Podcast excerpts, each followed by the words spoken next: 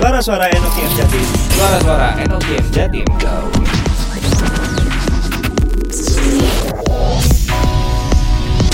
Baik lagi di suara-suara Enoki M Jawa Timur bareng gua Marnala Sibuea. Bareng gua Chris Pradana, tapi kok rasanya kok lemes banget sih? Kenapa sih? iya.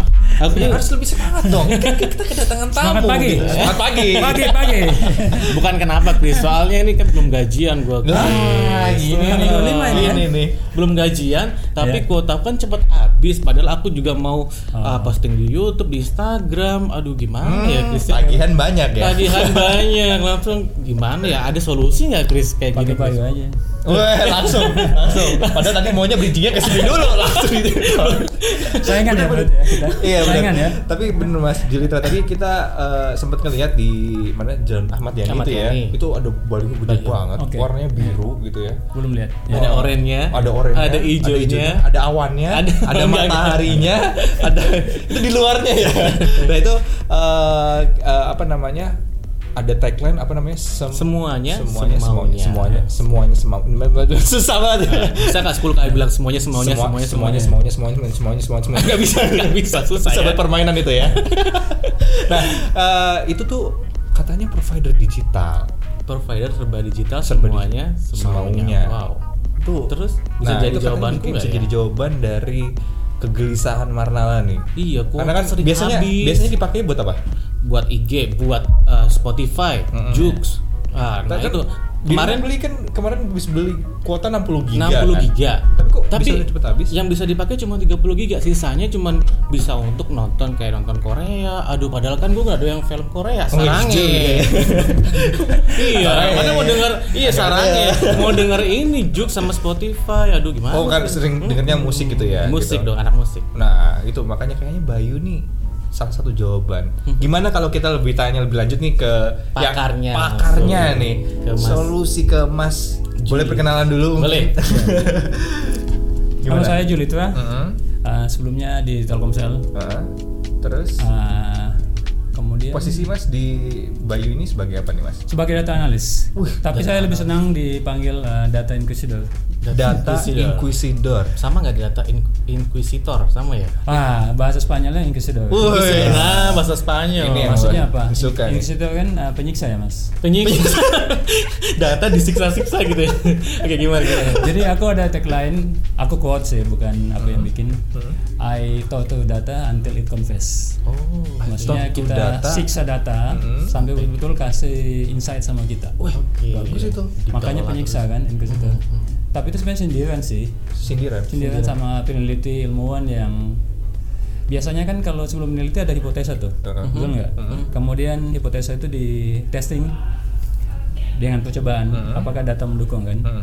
Nah, kalau memang data mendukung berarti teorinya benar dong. Mhm. Tapi apa yang terjadi biasanya peneliti mereka paksain kalau memang data nggak mendukung diulang lagi, diulang lagi, diulang lagi, diulang lagi sampai akhirnya dapat hasil yang mendukung uh, hipotesa mereka, teori mereka. Hmm. Nah, secara statistik kan itu uh, statistik metoleransi kesalahan 5%. Jadi Hmm. berarti dari 20 kali percobaan ada kemungkinan satu error akan terjadi. Hmm, ya kan? oke. Kamu ulang 20 kali, Hmm. pasti ada hasil yang signifikan, kamu anggap itu signifikan. Hmm. Nah, kayak gitu. Jadi ya nah, singgung lah. Tapi bagi saya ya dipakai buat oke, kita bikin data sampai kasih kita insight. Insight. Oh. ya, data kayak gitu. Mungkin nggak banyak Istilahnya tapi data Baru kita dapat data inquisitor. Nah, makanya. Penyiksa data. Ya. data. apa namanya hal hal yang tidak biasa gitu ya Hmm. biasanya data science analis atau apa data inquisitor Nah, gitu. itu keren banget sih bahasanya itu ya. Sebelum kita Hmm. ngobrol-ngobrol lebih jauh lagi, bisa kita soalnya di ini di Instagramnya Bayu ID itu ya @bayuid. Kalau teman-teman mau follow di @bayu.id.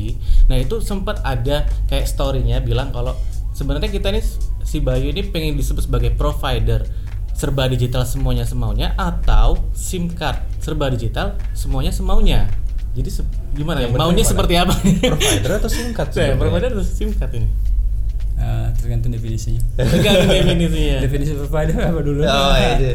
Oke, ah. artinya kita sebagai provider penyedia jasa, ja- jasa layanan seluler ya, Mhm. dalam konteks itu. Mhm.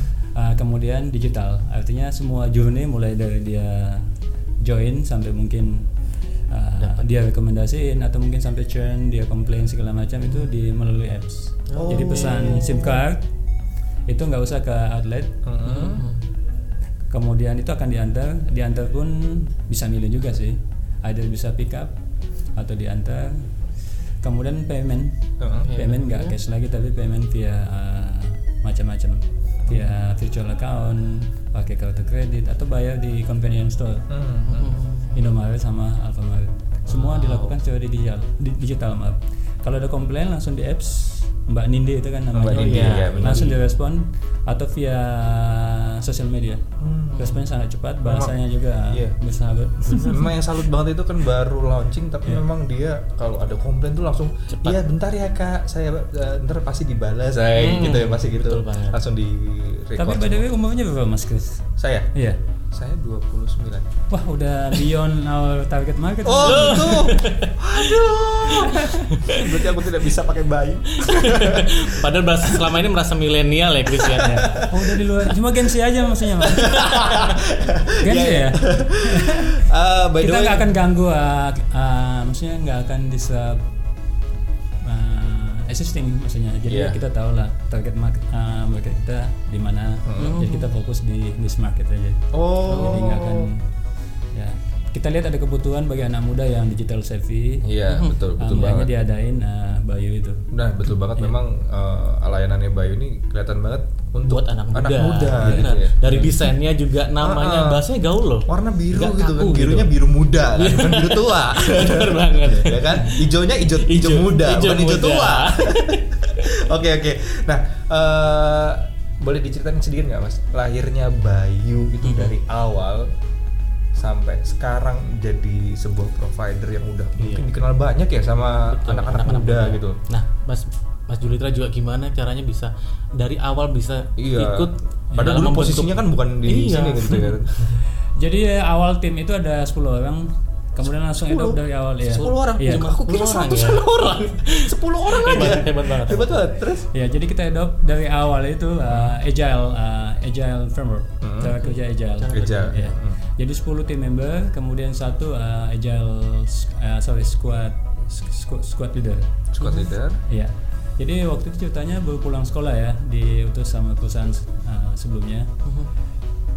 Um, ya setelah sekolah kan ada tanggung jawab nih, banyak tahu nih, Heeh. ya kan. Latar belakang telco yang memang uh, apa? Uh, radio. Ah, Radio radio, banget benar. ya, radio Radio banget. engineer. Kemudian Oh dulu radio engineer ya mas ya? Uh, radio frekuensi. Radio Jadi frekuensi itu, ngurusin quality radio periksa Kayak Chris lah ya. drive test segala macam. Oh, Drive ya, test. itu luar biasa. Kemarin baru test. Berarti nanti masa depan Iya. saya seperti Mas Amin. Mitra. Frekuensi recun segala macam itu Ah. mas udah itu 10 tahun mas. Waduh. Iya. Tiba-tiba dikirim perusahaan kan sekolah.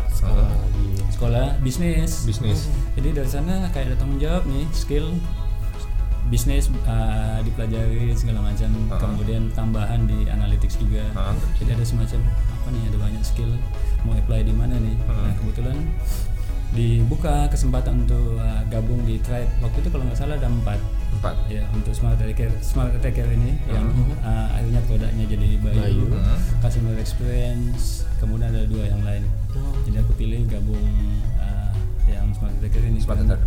Kesannya oh kayak mau bikin something kayak startup nih develop something from new new product. Iya, kayak itu Jadi waste juga ya kan. bagus di apply. Sama CM kemudian wawancara kemudian akhirnya dipilih ya 10 10. awal iya seiring jalan waktu berjalan uh, anggota squad itu ditambah Tambah. 10 akhirnya pada waktu launching tanggal 10 Oktober itu sekitar 25-an Hmm. semua anak muda kebanyakan saya yang paling tua di Ah, enggak juga ya. anak-anak Nah, tapi graduate nggak kelihatan, serius nggak kelihatan kelihatan, kalau Mas nggak Citra ini kelihatan, iya. orang tua aja. saya kasih contoh aja ya yang handle yang branding itu Hmm. kreatif itu Mbak Evita itu Mbak Evita, baru dua tiga iya, saya tahun kenal tuh. Iya. Saya kenal Mbak tiga Evita. tahun fresh graduate tapi uh, Mbak Nindi eh maaf Nindi. Ada benar Iya, ya. jadi banyak uh, fresh graduate uh, ada Mbak hmm, Iren misalnya latar belakangnya rekrutmen di HCM tapi sekarang handle customer care Oh gitu. Oh, iya. jadi ya karena emang cara kerja agile kan Iya. Hmm. Terus d- dari bulan Oktober itu launching, eh, itu produknya itu dia biasa ya inkubasinya itu dari data analitik dan segala macam gitu ya. Atau atau masuk itu jadi ada inputan kan mana kebutuhan yang uh, di disukai anak muda. Jadi kita langsung uh, sediain beberapa paket. Jadi sebelum di launching kan ada banyak FGD termasuk untuk mantapin uh, brandingnya kayak gimana segala macam. Dan prosesnya berulang terus iterasi. Berapa lama itu mas prosesnya? Uh, jadi itu kita di launching itu uh, kalau bayi kan 9 bulan kan.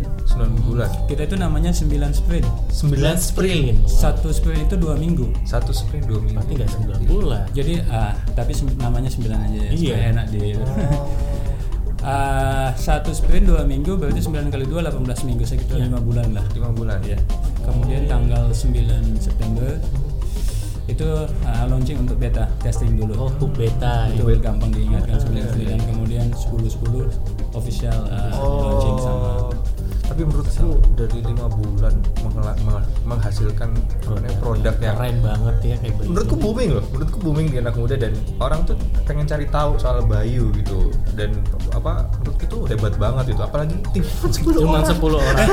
awal itu ya Awal. Oh ya, 25. pas launching ah, sekitar 25an itu 25. tetap aja itu Tetep cuma masih 25 sedikit ya. sedikit. Ah, Tapi hebat banget sih. tapi hebat banget benar di belakang itu kan banyak bantuan panel ya kan itu kalau boleh tahu end. kerja sampai malamnya pulang jam berapa itu? Kayaknya nggak pulang itu lima bulan Mau launching sebuah produk yang menurut saya sih eh, kalau kita lihat sebagai orang awam ini produk yang matang gitu ya Iya. matang untuk di launching ke makasih, masyarakat nah, pasti ada lesson learn yang bisa di-share untuk teman-teman di Jatim ini. Apa ya Mas Juli? banyak banget mas yang pertama itu ah, memang agile Harus ya. Iya, agile. agile agile itu kan satu framework Hmm. ada semacam namanya artefak satu sistem yang mesti kita ikut Hmm. ya kan misalnya ah, tadi termasuk yang namanya um, sprint jadi ada waktu yang fix kita tentuin kita pilih buat evaluasi kerja oke ada namanya sprint planning. Jadi dari awal sprint itu mesti kita tentuin nih apa yang kita mau bikin. Hmm. ada sprint retro misalnya kan setelah sprint berakhir lesson learn-nya apa itu Oh, langsung dievaluasi. evaluasi kemudian tiap hari mesti ada daily stand up untuk ap- apa yang kita lakukan kemarin apa yang kita melakukan hari ini blognya apa. Dan itu di trace. dan itu mesti kita ikutin. Kemudian ada sprint apa, uh, show and tell jadi uh, hasil yang kita inginkan selama sprint itu uh, apa? Itu uh, mesti kita show. Ya kan?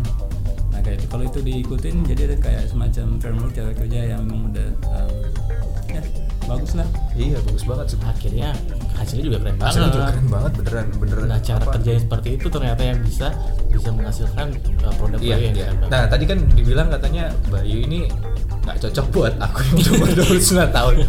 Tapi sebenarnya Bayu ini segmennya untuk siapa sih? segmennya untuk Gen Z berarti 15 uh, 25 ya 15 sampai 25. 25 saat ini Iya, tapi memang cocok banget sih emang itu ya. Iya. Ya, karena apa? eh, isinya kan kontennya game ya untuk apa paketnya Iya. game terus Ada ada musik YouTube, juga ya, musik juga. itu ya. dan dan memang cocok buat anak-anak umur segitu dan harganya apalagi wah Harganya. itu sih kalau soal harga memang udah paling top share kompetitif ya terus eh, next apa nih? Eh, kan provider di Indonesia ini sebenarnya udah banyak banget mas. Dan kayaknya yang semacam Bayu ini juga udah ada di kompetitor di operator lain gitu. Produk Bayu ini. Nah kelebihannya Bayu dibanding sama produk lainnya apa sih yang sudah ada? Kelebihannya value proposition tadi Iya, betul. yang pasti kayak tadi digital journey-nya kan mungkin kita di only one deh. mulai dari awal sampai akhir itu semua digital, Digital, digital semuanya ya. di apps itu tadi ya. Di apps semua Hmm, kemudian uh, masalah packaging kan personalize Personalize. kayak tadi kan Hmm. iya memang bener banget ya kita bisa milih nomor Milih ya. Iya, nomor, Nah, itu nomor personalize. Sebenarnya kalau rencana awal itu uh, nomor kayak dikasih acak cuma karena alasan security kayak gitu. Oh. Atau misalnya dikasih maaf kayak uh, dia yang pilih sendiri misalnya kita kasih empat angka di depan kemudian dia Oh, pilih sendiri kemudian kayak sistem gitu. yang jalan. Oh tadinya mau kayak gitu. Kayak gitu. Kemudian uh, pilih uh, paket nggak di sekarang kan tiga paket tuh. Iya. Ya dulu itu awalnya ya udah kamu pilih aja kamu geser-geser. Oh. Oh. paketnya mau 1,39 oh gitu. Jadi nggak nggak nggak kayak nggak nggak satu giga banget, atau dua giga gitu ya? Awalnya bikin kayak gitu. Heeh. mungkin ke depan kali ya. Oh, oke kita nice banget ya. nah, yang ya balik lagi ke acara kerja agile kan cara kerja agile itu kan uh, continuous improvement mas. Iya, iya, betul. jadi kalau bayangkan uh, handphone ya kan? Handphone yang jadi kan udah lengkap semua fungsinya. Yes, betul. oke. Hah? tapi kalau sama kita oke. Jadi sprint pertama kamu bikin yang penting case nya kelihatan. Dulu Hmm. oke. Sprint yang kedua kamu tambahin ada kameranya. Hmm. Iya. sprint ketiga kamu tambah oke. Sprint pertama ada case. Uh, sprint kedua yang penting dia bisa nelpon oke. Sprint ketiga tambah kamera gitu apa. Akhirnya sampai kita rencanakan itu sampai bisa sprint 9 handphone yang seperti ini. Udah jadi. jadi itu yang yang essence dari uh, uh, agile. Jadi sesuatu yang kita langsung bisa lihat. Beda kalau yang waterfall kita tunggu sampai sprint 9 ya. Aha. nggak taunya uh, si uh, director kita nggak suka biasanya kan? Aku nggak suka itu nah kalau sprint kan tadi ada show and tell kan? Show and tell, show itu ada feedback Ya, bisa evaluasi lagi. evaluasi gimana? Kita adjust lagi. Kita bikin namanya uh, product backlog. Jadi urutan yang akan kita bikin selama sprint sampai dia selesai itu udah ada listnya. Jadi ini tugas pada owner itu akan cek cek cek. Dia lihat. Jadi ambil satu-satu ambil satu uh, develop. Dan pastinya melibatkan apa ya data-data dari apa ya kan kalau kita bilang sekarang kan customer centric gitu ya. Pasti kan ada Apa yang dimauin feedback, pelanggan apa yang gitu. dimauin pelanggan gitu pasti selalu di, jadi pertimbangan gitu khusus ya Nah, uh, tribe leader kita Pak Trio itu selalu kayak gitu. Kalau kita udah di- uh, debat kan, bikin ini bikin ini, udah tanya pelanggan belum? nah kalau kayak gitu kita kirim bikin survei atau FGD, tanya oh ya ada uh, masukan dari pelanggan seperti ini ya udah kita implement apa yang pelanggan bukan maunya kita. Nah, itu kadang-kadang susah pelanggan. itu. Itu Iya, kadang-kadang susah kan karena uh, mungkin di zaman kita di generasi kita kita kebiasaan dengan uh, apa namanya yang apa Maunya serba seperti baku gitu 4 giga, 5 giga dan segala Hmm. macam tapi ternyata pelanggan maunya apa gitu kan custom, gitu custom kan. segala. Semuanya semaunya. Tapi kadang-kadang kita juga so tahu sih. Kita sih. oh, pelanggan maunya ini padahal belum di survey gitu ya. makanya itu yang bahaya lagi kan pelanggan. Berarti sering banget yang ngelakuin survei kayak gitu Mas berarti. Oh sampai ya udahlah aku nggak ada latar belakang sebenarnya banyak ikut bikin survei sendiri pakai maaf ya Jackhead, Oh, uh, iya. Nielsen, Oh, dapat gitu. inputan segala macam. Kayak kita mau pilih payment method ya kan, apa tanya dulu pelanggan. Jadi ketahuan ini, ini, ini. jadi kita mesti prioritize nih payment ini. ini. Hmm, iya bener kan ada prioritasnya yang Betul. yang- Kemudian apa yang mereka suka uh, Facebook, bisa WhatsApp, Instagram, YouTube, segala macam ya. lihat. Nah itu yang Buat mesti di ya. Nah, eh, Bayu sendiri kalau kita ngobrolin soal Bayu itu sudah ada di apa? Udah mencakup semua Indonesia atau belum sih sebenarnya? Awalnya untuk Pulau Jawa kan. uh, Pulau Jawa aja ya? dulu lah. Uh, ke depan uh, kita nggak tahu bisnis expansionnya jadi kayak gimana. Oh. Tapi karena mungkin uh, Pulau Jawa kan ada sisi logistik tadi, delivery segala macam Hmm. supaya lebih cepat kan ke pelanggan nggak tunggu lama. Kalau logistik ke pulau kayak kampung saya di Sangir ke laut. Kalau mereka Filipina mungkin tunggu 7 hari, 10 hari. Oh, Ya. Kita nggak tahu ya. Iya, iya, iya. Jadi uh, mungkin Pulau Jawa dulu. Pulau Jawa dulu ya. Bisa dicek di bayu.id ada location itu. Oh, Selalu lihat di webnya langsung. Tapi ada kemungkinan nggak ini bisa go international? Asik. Go Indonesia kemudian go Iya internasional. kan ada kan kan sekarang kan sebutannya Bayu Indonesia nih. Iya. Ada Bayu Oh, India, Bayu Singapura. Bayu Singapura. kan model yang sama di negara lain di Udah jalan ya? kayak di Singapura itu kan ada Circle Life ada Gomo oh, di itu Malaysia model bisnis yang digital kayak oh, gini iya. kayak dia gitu. persis kayak gitu ya. nah pertanyaannya kalau kita nggak lakukan di sini kemudian pesaing kita lakukan Nah, mereka iya sih benar. Betul. Benar. Kita kalah start Kita ya kalah kan. start itu Nah, ya. Sampai. kayak gitu Mm-mm. Ntar dia garap kita nggak tahu karena pesaing kita sebenarnya udah mau bikin juga cuman ya karena kita yang cepat Mhm. jadi kita yang keduluan Iya, iya. Ya takutnya kalau ya yang mereka yang lakukan dan Iya. berhasil kita iya, ketinggalan, data kita pindah ke sana semua nanti. Iya. Uang kita pindah ke sana semua ya. Iya ada kan? kebutuhan uh, seperti itu kan mesti cepat kita Yes. respon ke betul, uh, betul, pelanggan betul, kita. Betul. Jadi ini bisa jadi jawabanku nih Chris. Eh, Kenapa?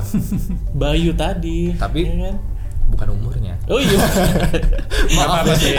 Bukan berarti kita tutup cuma yang 15 No, Ya, bisa, Cuman Chris. target uh, target akuisisi kita kayak aku selama nonton YouTube itu nggak pernah dapat uh, iklan Bayu karena udah identifi identified kan.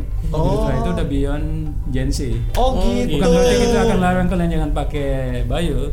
Cuman acquisitionnya kalian mungkin nggak akan dapat iklan-iklan Bayu. Oh. Pantes. Nggak pernah ikut.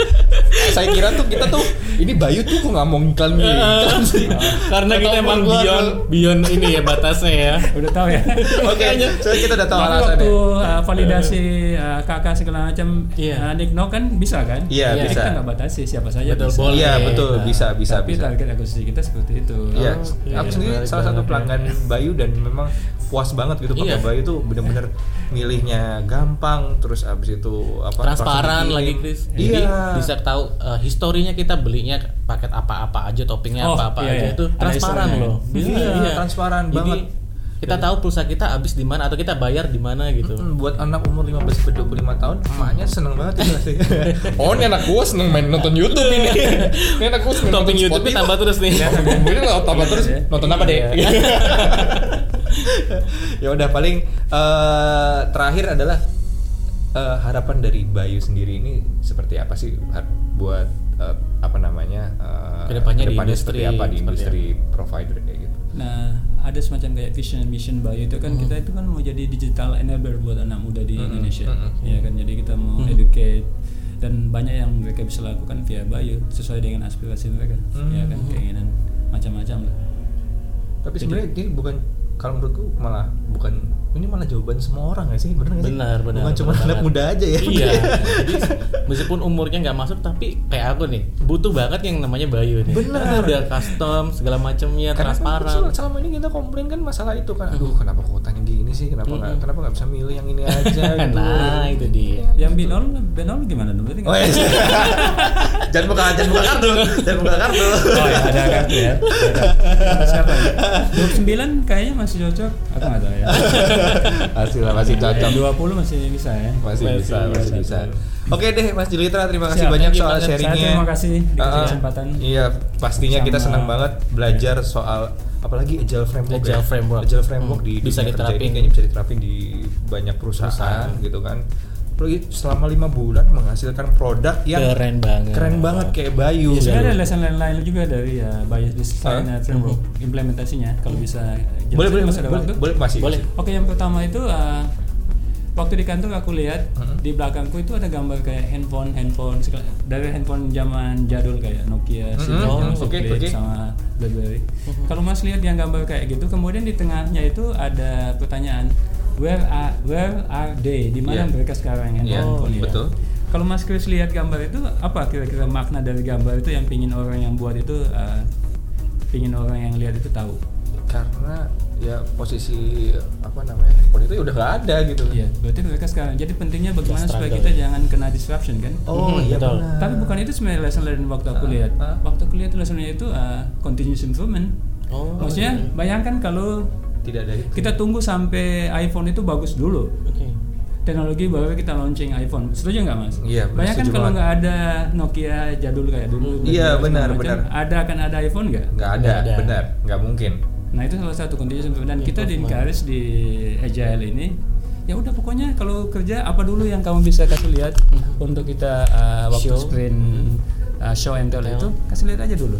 Yang penting ada dulu kayak gitu. Iya. Nanti kalau ada um, perbaikan kita bikin lagi sprint berikut. Bikin aja sprint berikut. Betul bikin sih, aja bener bener. Ya, karena sekarang handphone sekarang pun ada karena evaluasi dari ke handphone Iya. sebelumnya kan setuju mobil-mobil makin lama makin bagus kan Iya. ada kayak Continuous gitu improvement tadi Sekarang Note kuncinya. 10 itu nggak bakal ada kalau nggak ada Note 9, Note 8, Note 7, Note Yes. 6, Note 5. Ya bener kan?